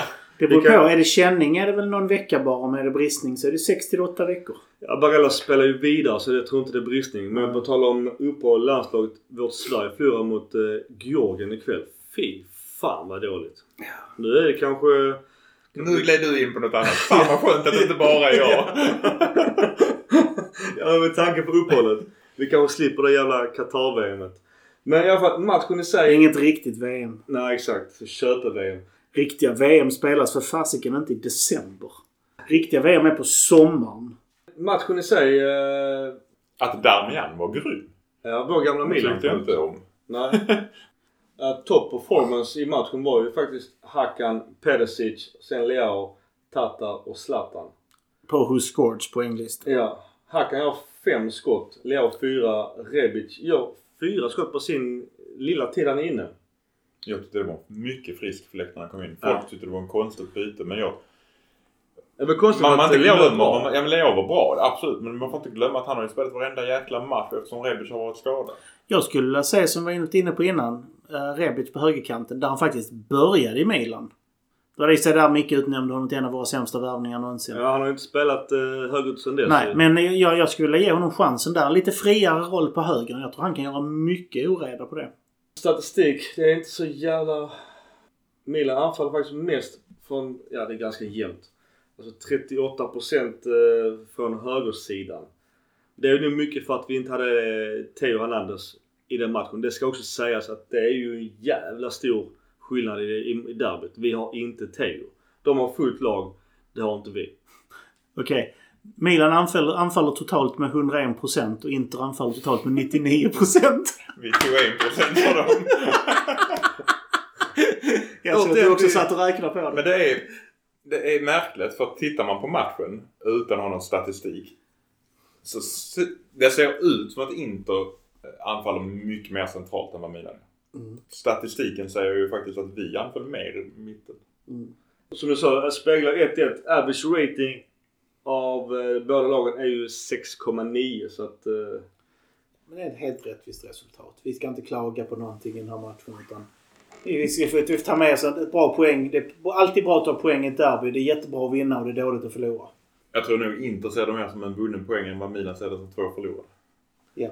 annars är de, ju de tvungna att ta igen poäng eftersom vi och Napoli har gått som tåget. Men det ska också sägas att eh, Messias, Theo, Mike, Balotelli, Castellejo, sen Rebic var ju tvek inför matchen. Så det, det är ju många spelare borta. Där är i alla fall två. Vi har ju två startspelare borta. Junior Messias har ju börjat träna med boll igen. Theo Hernandez är tillbaka från sin avstängning. Magnan har börjat träna igen. Så att det är ju positivt. Jag var också en lyssnarfråga. Det är som du säger, han, han är med boll till och med. Ja, men inte med, inte med andra spelare. Han tränar själv ja. med boll. Och Messias var också en fråga. Ja, men han har precis börjat träna. Så är nyheterna idag. Vilket är jättebra att han tränar nu under landslagsuppehållet så att han faktiskt kommer igång lite. Mm. Det såg vi då när då han spelat att killen, han vet ju hur man hanterar en fotboll. Det ska vi vara överens om. Alltså om han får lite matchtid så kan han nog vara den högeryttern vi har saknat. Alltså tycker ni vår uppställning är den bästa? Hade, hade det varit smartare att börja med Benazer till exempel? Pratar du ett Inter nu? Mot Inter. För Benazer har ju... Jag tycker han har gjort fantastiskt bra inhopp när han kommer in. Ja, men om man nu ska ha Kronic som att markera bort Brozovic, då måste vi ha det där. Så alltså frågan om Diaz skulle spela på en högerytterkant. Frågan är var du stoppar in Benazer istället för Tonali då, tänker du? Jag, alltså jag tänker att han blev inte inbytt överhuvudtaget. Nej, kanske varit lite trött. Vi behöver, det, det, det, kan säga att det är en stor styrka vi har i år. Att vi faktiskt kan vila vissa av nyckelspelarna. Så att de kan vara i form till nästa till kommande match. Så jag hade inte velat byta. Jag tyckte Tonali var bra. Mm, jag också. Frågan är var man skulle byta in Men det Benazer. skulle vara i så fall när vi gjorde bytet med Bakayoko att vi hade tagit det. Om vi hade gått för minst. Ja. Mm. Eller så göra som i landslaget, ta ut Leao eller Diaz och stoppa in honom på den, de positionerna. En fri, lite offensivare roll. Och inte- att Ibrahimovic spelar hela matchen är ju också ganska imponerande. ja, jag trodde Giroud skulle komma in. Det är, också, alltså det, är, det är kul som du var inne på att vi har en trupp där vi faktiskt kan laborera. Vi skulle kunna haft både Giro och Zlatan i 10 minuter innan Mm. Zlatan blev utbytt eller något sånt där. Hade, Vi börjar ju få en bredd. Vi börjar ju bli en storklubb även i spelartruppen. det är väl nog nästa utmaning av för Pioli. Att kunna laborera mer med, med start, eller med elvan under match. Men, Och det, få det att funka. men jag tycker han, gör, han har börjat visa riktigt mycket där. Både hur han vilar vissa spelare vissa matcher. Det, vi har en hälsosam rotation i truppen. Bara kolla backarna, hur de går runt och mittfältarna. Och sen och även under matcherna hur han matchar in, hur han matchar ut. Eh, Okej, nu behöver den vila. Jag tror i princip Zlatan talar om för honom i halvtid att byter du ut mig så går jag hem liksom. Ja, Alltså han var ju ganska osynlig först. Mm. Jag håller med dig Mackan att jag hade också velat se i alla fall vad så Inzaghi reagerar på. Nej men nu byter vi in Giroud också. För att de har tre jävligt duktiga mittbackar och stora och starka. Men att möta Zlatan och Giroud hade varit... De blir tvungna att agera på det. För de tre kan ju inte möta två. Man måste ju ha minst dubbel. Det innebär då att... där. Ja, alltså då måste ju Perisic... Vad, ska han göra? Då måste de byta ut honom stort sett ju. Ha en defensiv spelare. Damian måste nästan gå ner så de, de får köra antingen en femma eller en fyra där bak. För de kan inte vara tre mot två. Inte de här två. Det, det går inte taktiskt. Så jag tycker jag är Pioli lite feg faktiskt. Å andra sidan, vi behöver inte jaga Inter. Vi bara håller ställningarna. Det räcker. Jag tycker också att Diaz såg pigg ut. Fick förvånansvärt få frisparkar med sig. Jag tyckte han kunde nog fått ett 5-10 stycken om jag ska vara lite...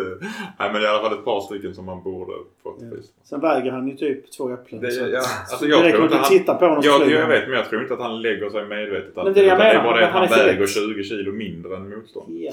Han är ju Spaniens trupp. Det är ju kul för honom att han har fått den uppkallelsen. Tränar med de vuxna pojkarna. Märklighet eh, på tal om våra grabbar att Tomori inte fick av England. Jag fattar inte det. Helt sjukt. Jättekonstigt. Jag är nöjd. Ja, jag, men, Alltså för Milans skull, men jag tror, jag tror för hans utvecklings skull tror jag bara han hade gynnats av det. Absolut. Och vill vi sälja honom för 120 miljoner pund så får vi nog se till att han får landslagstid också. Varför ska vi sälja honom? Nej, nej, men det... Det ska vara en stor klubb. Vi ska behålla dem. Exakt, bra. Jag förstår Pialis tänk här. För vill du vinna ligan så, så är det viktigaste det. Du ska vinna alla måste-matcher mot alla dynglag och inte förlora mot ko- toppkonkurrenterna. Det är det som är nyckeln till ligasegrar. ja. Vi behöver inte jaga en vinst här och riskera en förlust och få ge Inter tre poäng och vi noll. Det är bättre att vi håller dem på status quo, låter dem göra bort sig mot dynglagen och så vinner vi de matcherna. Så att, Och som sagt, de kanske tappar Barella och Dzeko. Nu är det uppehåll som sagt, men den kan bli tuff. Och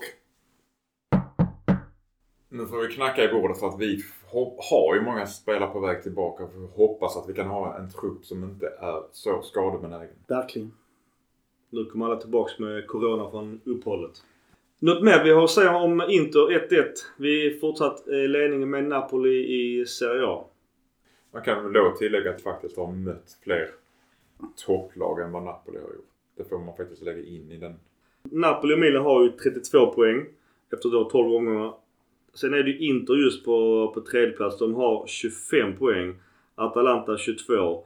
Och sen Lazio 21. Så vi har redan 11 poäng plus målskillnad ner till Europa League. Så att eh, Visst, vi började bra även i fjol men det här är ju riktigt jävla bra. Alltså ha så pass många poäng ner till Europa League redan. Det innebär att alla lagen bakom måste ju börja desperat jaga. Var det inte i fjol vi var som första laget som vintermästare inte vann ligan? Ja, på många år. På många. På många, Mm. på många. på många. Så vi, vi tar inte ut någonting i förskott. Nej. An- Är vi nöjda med derby? Vi har lagt mest fokus på derbyt. eh, är vi- Fantastisk match tycker jag. Sen, sen vill jag bara ge all cred till Milan Club Svezia. Att lägga ner så mycket jobb både med inför och efter. Alltså det är jätteroligt att se att communityn lever upp. Hästjobb från Oskar och dra ihop det och Daniel och sådär. Så. Ja, det rekommenderar vi. Både försnack, det är försnack varje match i princip. Och i princip eftersnack efter varje match. Så håll koll på YouTube och Milan Club Svezias hemsidor. Helt oredigerat. Det är därför de inte bjuder in mig. Därför kan jag kan sitta och svära med gott samvete. Vi kan inte klippa bort den där. Jag får spåna ut hur mycket jag vill utan att man klipper. Det är jättekul. Vi var inne på det här med lite statistik tidigare. Och om man då ser på Serie A-topplagen då i... Eh, alltså possession. Jag vet inte, det betyder ingenting. Milan är inte med på topp 5 där. Shots per game är Milan på femte plats på 14,3. Pass accuracy är vi inte med på topp 5. Ratings är vi trea av 5. Uh, eh, errors duels 1 är vi inte med i topp 5. Aggression är vi inte med i topp 5. Återigen statistik men vi är fortfarande på dela ledningen så att sånt, sånt här återigen till statistik säger inte tydligen ett jävla piss. Jo, det säger en väldigt viktig sak. Om du tittar vilka lag som leder de olika sakerna. Det, det är väl Napoli som har pass accuracy, rating och possession. Men utöver det så ligger vi ganska jämnt på allting. Vi har inget som sticker iväg utan vi är ett jämnbra, habilt lag som gör jobbet match efter match. Roma skjuter 18,5 skott per match, men vad ger det dem? Lazio har näst bäst passningsstatistik. Jaha. Sjätte plats. Mm. Eller femte. Alltså, man får ju säga Sampdoria är bäst på att nicka men eh, de leder inte ligan direkt. Och så vidare och så vidare och så vidare. Så att... Eh, Lite, lite det jag vill ha sagt med detta det är att statistik behöver inte betyda framgång per automatik. nej, men det underlättar. Statistiken är ju faktiskt lite roligare egentligen att jämföra i efterhand. När säsongen är avslutad. Och Ja. då är den ju faktiskt roligare. Vi är bara 12 gånger in ska Men, också men sägas. det är som, det är som sån klassisk, man tittar på, vad heter, det, när Göteborg dominerade i Allsvenskan på 90-talet. Tittar man, ja men då borde de, något av de här åren, hon har en skyttekung. Nej, bästa målskytt var högerbacken Micke Nilsson på typ fem mål eller någonting. Mm. Det är det- fyra mål. Det är lite där kanske Milan är just nu. För att om man då säger toppspelarna i Serie A så har vi ingen Milan-spelare på topp 10. Immobile etta, just Simone pratade om. Och tvåa Vlahovic. Ryktas till eh, Spurs och kanske Newcastle senare. Så andra spelare som ryktas dit också. Conte har ju tagit över Spurs så att han är ju också eh, och drar i Kessie. Kessie är ju också en, eh, en lyssnarfråga alltid. Vad händer med honom? Eh, det är ju snack om att Malin har gett ett 6,5 take it or leave it. Är det rätt att säga så och kommunicera det? pratade om det här innan. Vi kan säga samma sak igen. Så länge han gör sitt jobb så ska vi behålla honom säsongen ut. För de pengarna vi kan få för honom nu kommer inte köpa in en ersättare som kommer vara lika bra. Då är det bättre att vi går för ligatiteln, har med honom i racet hela vägen och sen säger tack, tackar för visat intresse. Alla kontraktet är uppfyllt. Han går åt sitt håll. Vi fortsätter. Jag tror en ligatitel är värd mer än de 10 miljoner, 15 miljoner pund vi kan få för honom i januari. Mackan? Håller med Gustav om han levererar. Det är frågan om man kan märka på träningar och matcher att han inte levererar. Att han har huvudet någon annanstans. Kan du då få 10 miljoner för honom? Då är det en annan Då sak. tycker jag är det rätt att sälja igen. Men än så länge, förutom hjärnsläppet här nu, så tycker jag han har varit bra den här säsongen. Men om nu Spurs och Conte viftar med de här 8,5-9 som han kräver av Milan. Och Milan säger nej i januari. Kommer han bli sur och prestera sämre? Mera konstiga situationer. Det är ett snack de får ta. De får snacka med dem och säga vi vill att du spelar ut kontraktet. Säger han nej jag vill gå på dagen. Jag kommer skita i detta här. Bla bla bla bla bla. Ja men det är bra. Först och främst ska Milan säga lämna- då får du begära att bli såld och då har han inte rätt till lika mycket kompensation och sådär. Men sen så kanske vi får ja men 15 miljoner pund säger vi. Kan vi få det? En bossman En semi-bossman?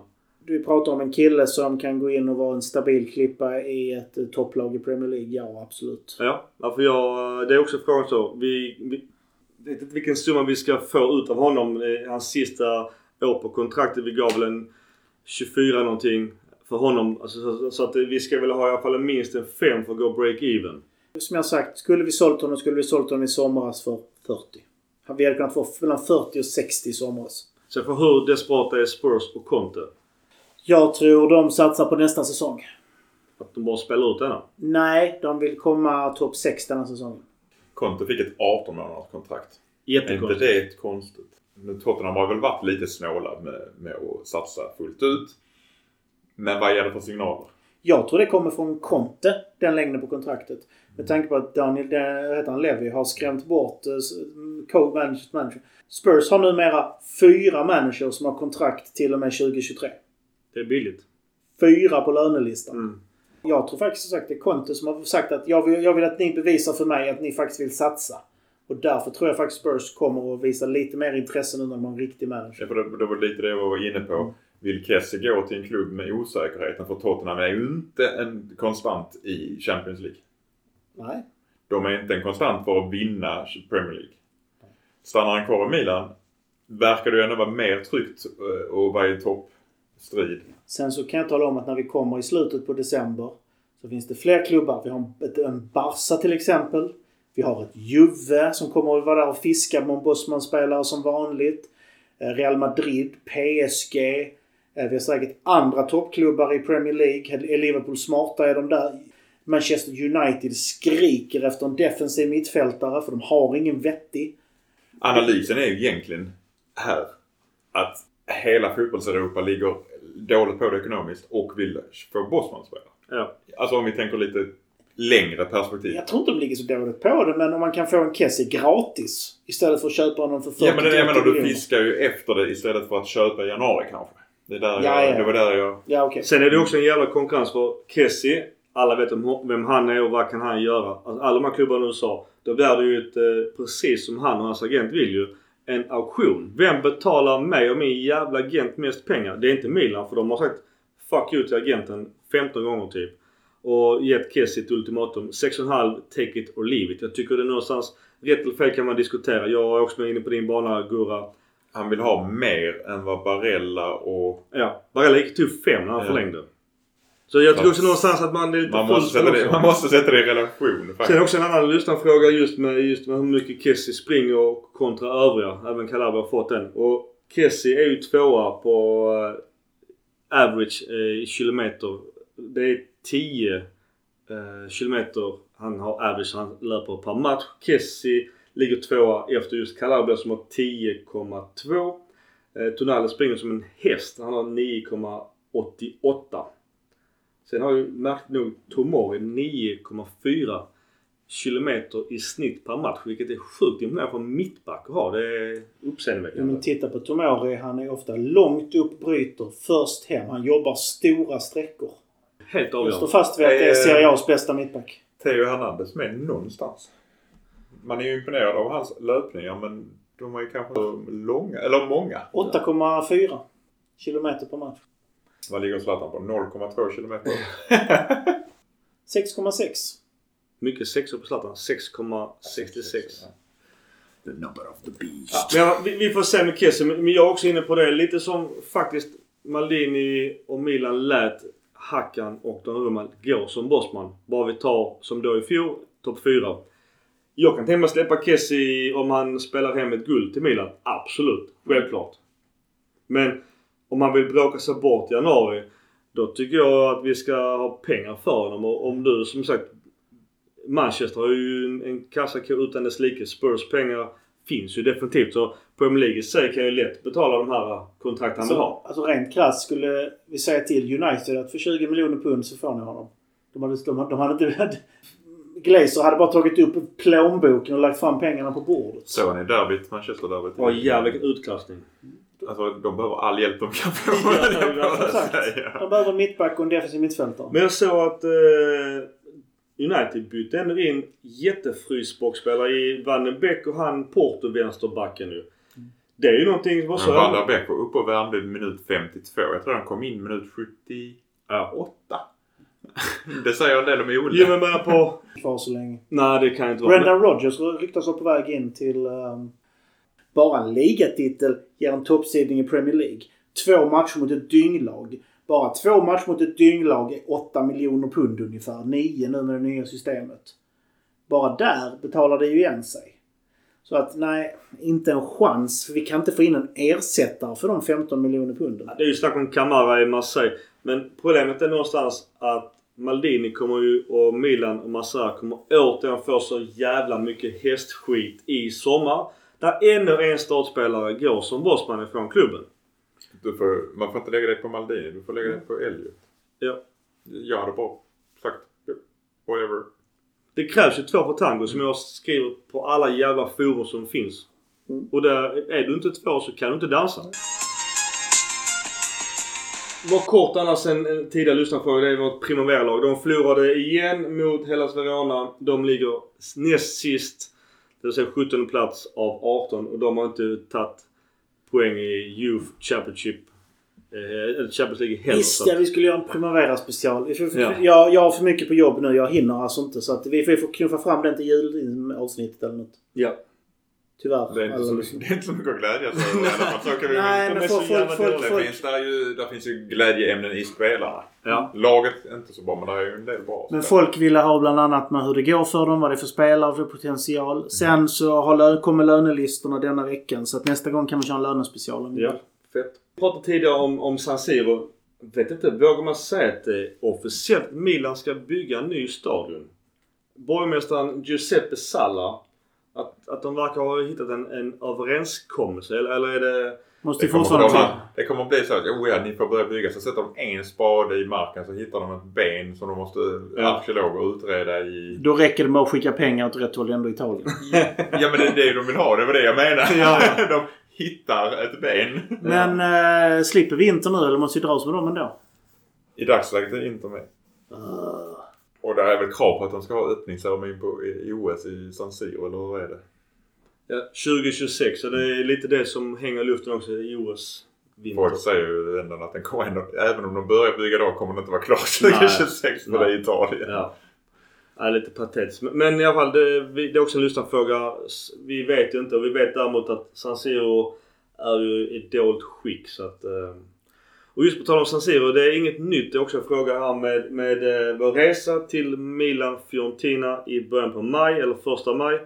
Det är ju inte en helg så man får lite, uppmärksammad på det. Eh, Det har varit faktiskt flera bolag som har varit intresserade av, att göra en resa med oss. Eh, Men vi hoppas väl på att eh, någonstans ett minimum på, på 12-16 stycken behöver vi ha med oss. Mm. För att det ska bli aktuellt. Ja, samma sak som innan. Vi, ett, ett fungerande bra hotell nära en tunnelbana och ring 2 så nära eh, Kurva Syd som möjligt. Så att, eh, just nu ingen ny info men, men så fort jag har info så kommer det. Italien tittar på att ha en automatisk offside-detektion.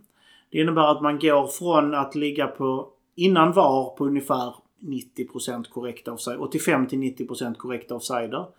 Till att det sitter någon manuell och har en datorgrej. Nu ska de ha det så att den här datorgrejen ska upptäcka det automatiskt, skicka en signal till den assisterande som ska dra. Sen kan det alltid kollas i efterhand ändå. Men jag ser inget fel om det. För offside är ju en av de få sakerna i fotboll som är helt svart eller vitt. Det finns ingen bedömningsgrad i offside. Det är lite grann som bollen är ute eller, över, ute eller innanför en linje. Men då kommer den Det är helt svart eller Jo, vitt. men då kommer den klassiska. Hur tjock är linjen? Nej. Ja, tog man en frysbild på när, när foten är på bollen eller när foten lämnar eh, Men, men, men, men, bollen? men, men det, har, det har inte med regeln att göra. Regeln är svart eller vitt. Jo men det är ju när stillbilden kommer. Ja. Men då får de ju ha ett system som klarar av detta. Det är grund. Det blir antagligen många fler kameror, många fler vinklar och så vidare. Jag, jag tycker inte det är något fel. Låt domarna fokusera på det oschyssta spelet, bedömningsgrejerna och de svart och vita grejerna. Låt dem vara svart och vita. Och skillnaden är ju här att du kanske får en bedömning som är mycket snabbare än att du tittar på VAR i efterhand så att du ska kunna Ja.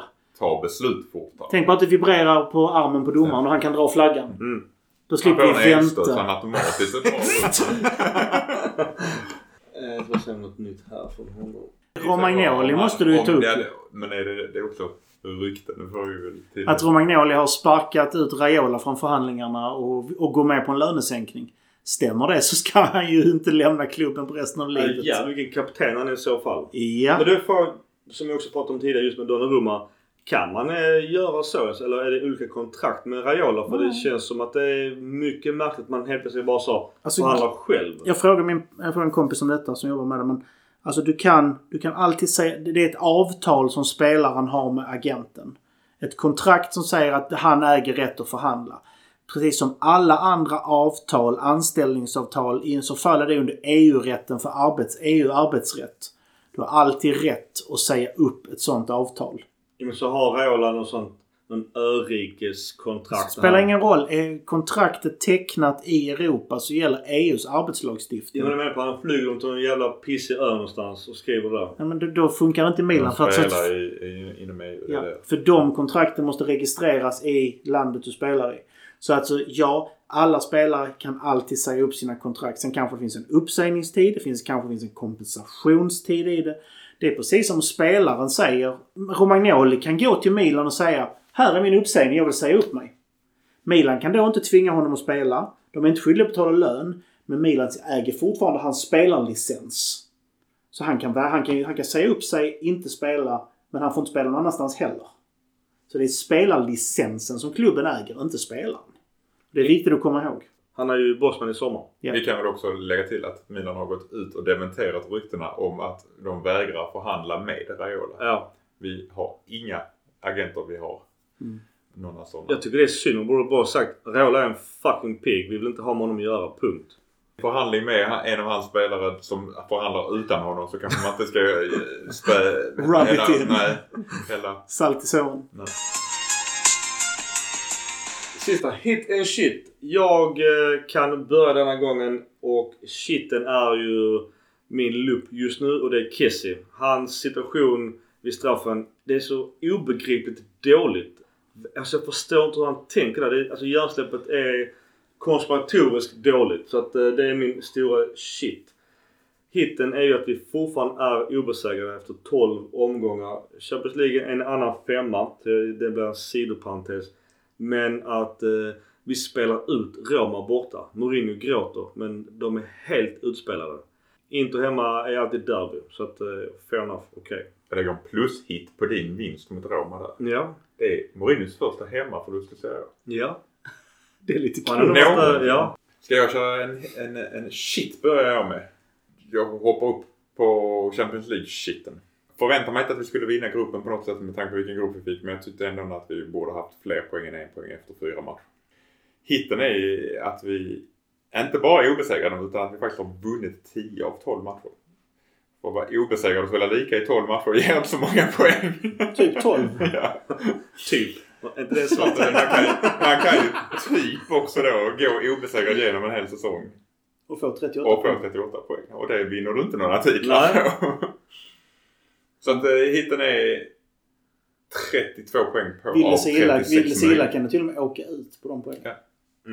Grymt bra gjort Milan. Det är kul att sitta och titta på Milan. Min stora hit det är både Maldini och Pioli som jag vill få in där. Vi har, som jag var inne på innan, vi börjar få en storklubbstrupp. Pioli klarar av att hantera den. Det är hälsosam rotation.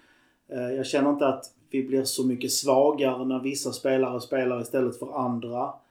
Klart det finns, alltså det är inte lika bra men lite det här vi snackade om för något år sedan att det ska inte skilja så mycket mellan första och andra positionen. Till och med Tatsaru, till och med Tatsarusano har ju höjt sig och visat att han är faktiskt inte är en dålig målvakt. Det är klart det tar tid att vänja sig. Vid hans frisyr. Eller nej. Du, den öststatsfrisyren skrämmer folk. mäktig. Du, du väntar bara på att ryska maffian och rumänska maffian ska stoppa dig efter matchen om du är dum mot honom. Jag tycker hans frissa är mäktig. Alltså det blir ju inte mer öst, östblock. Han hoppas så som nu Mackan att han kör novembermustasch på den frissan. Fan vad mäktigt det hade varit. Ja, eh, och sen shitten. Alltså det är mycket enskilt agerande. Jag tycker att... Jag, jag gillar inte trenden att när man, när man tycker att man inte får bollen med sig så slutar man spela. Vi har sett det på ett par stycken. Kessie-situationen som sig är olustig. Samtidigt tycker jag det är bra, förutom med ett undantag, att Kessie faktiskt verkar bry sig. Han jublar när han gör mål, han kämpar, han sliter. Han gör bort sig mot Inter. So what? Shit happens. Eh, men sånt händer. Sen har jag en, eh, en, en bonushit. och Mackans musche är fasiken. Den kommer att bli episk. Jag ser fram emot de två veckorna vi sitter här igen och hur stor den är. Det måste bara ändå ha, vi måste ju faktiskt ändå ge en superhit till Tatar och Chano som vi alla hade stor tveksamhet till som ändå gör en superräddning på straffen. Det är ju sån jävla hit. Ja, det, Den hitten räddar, eller den räddningen räddar nog eh, mycket den här säsongen. Forza Milan! Forza Milan.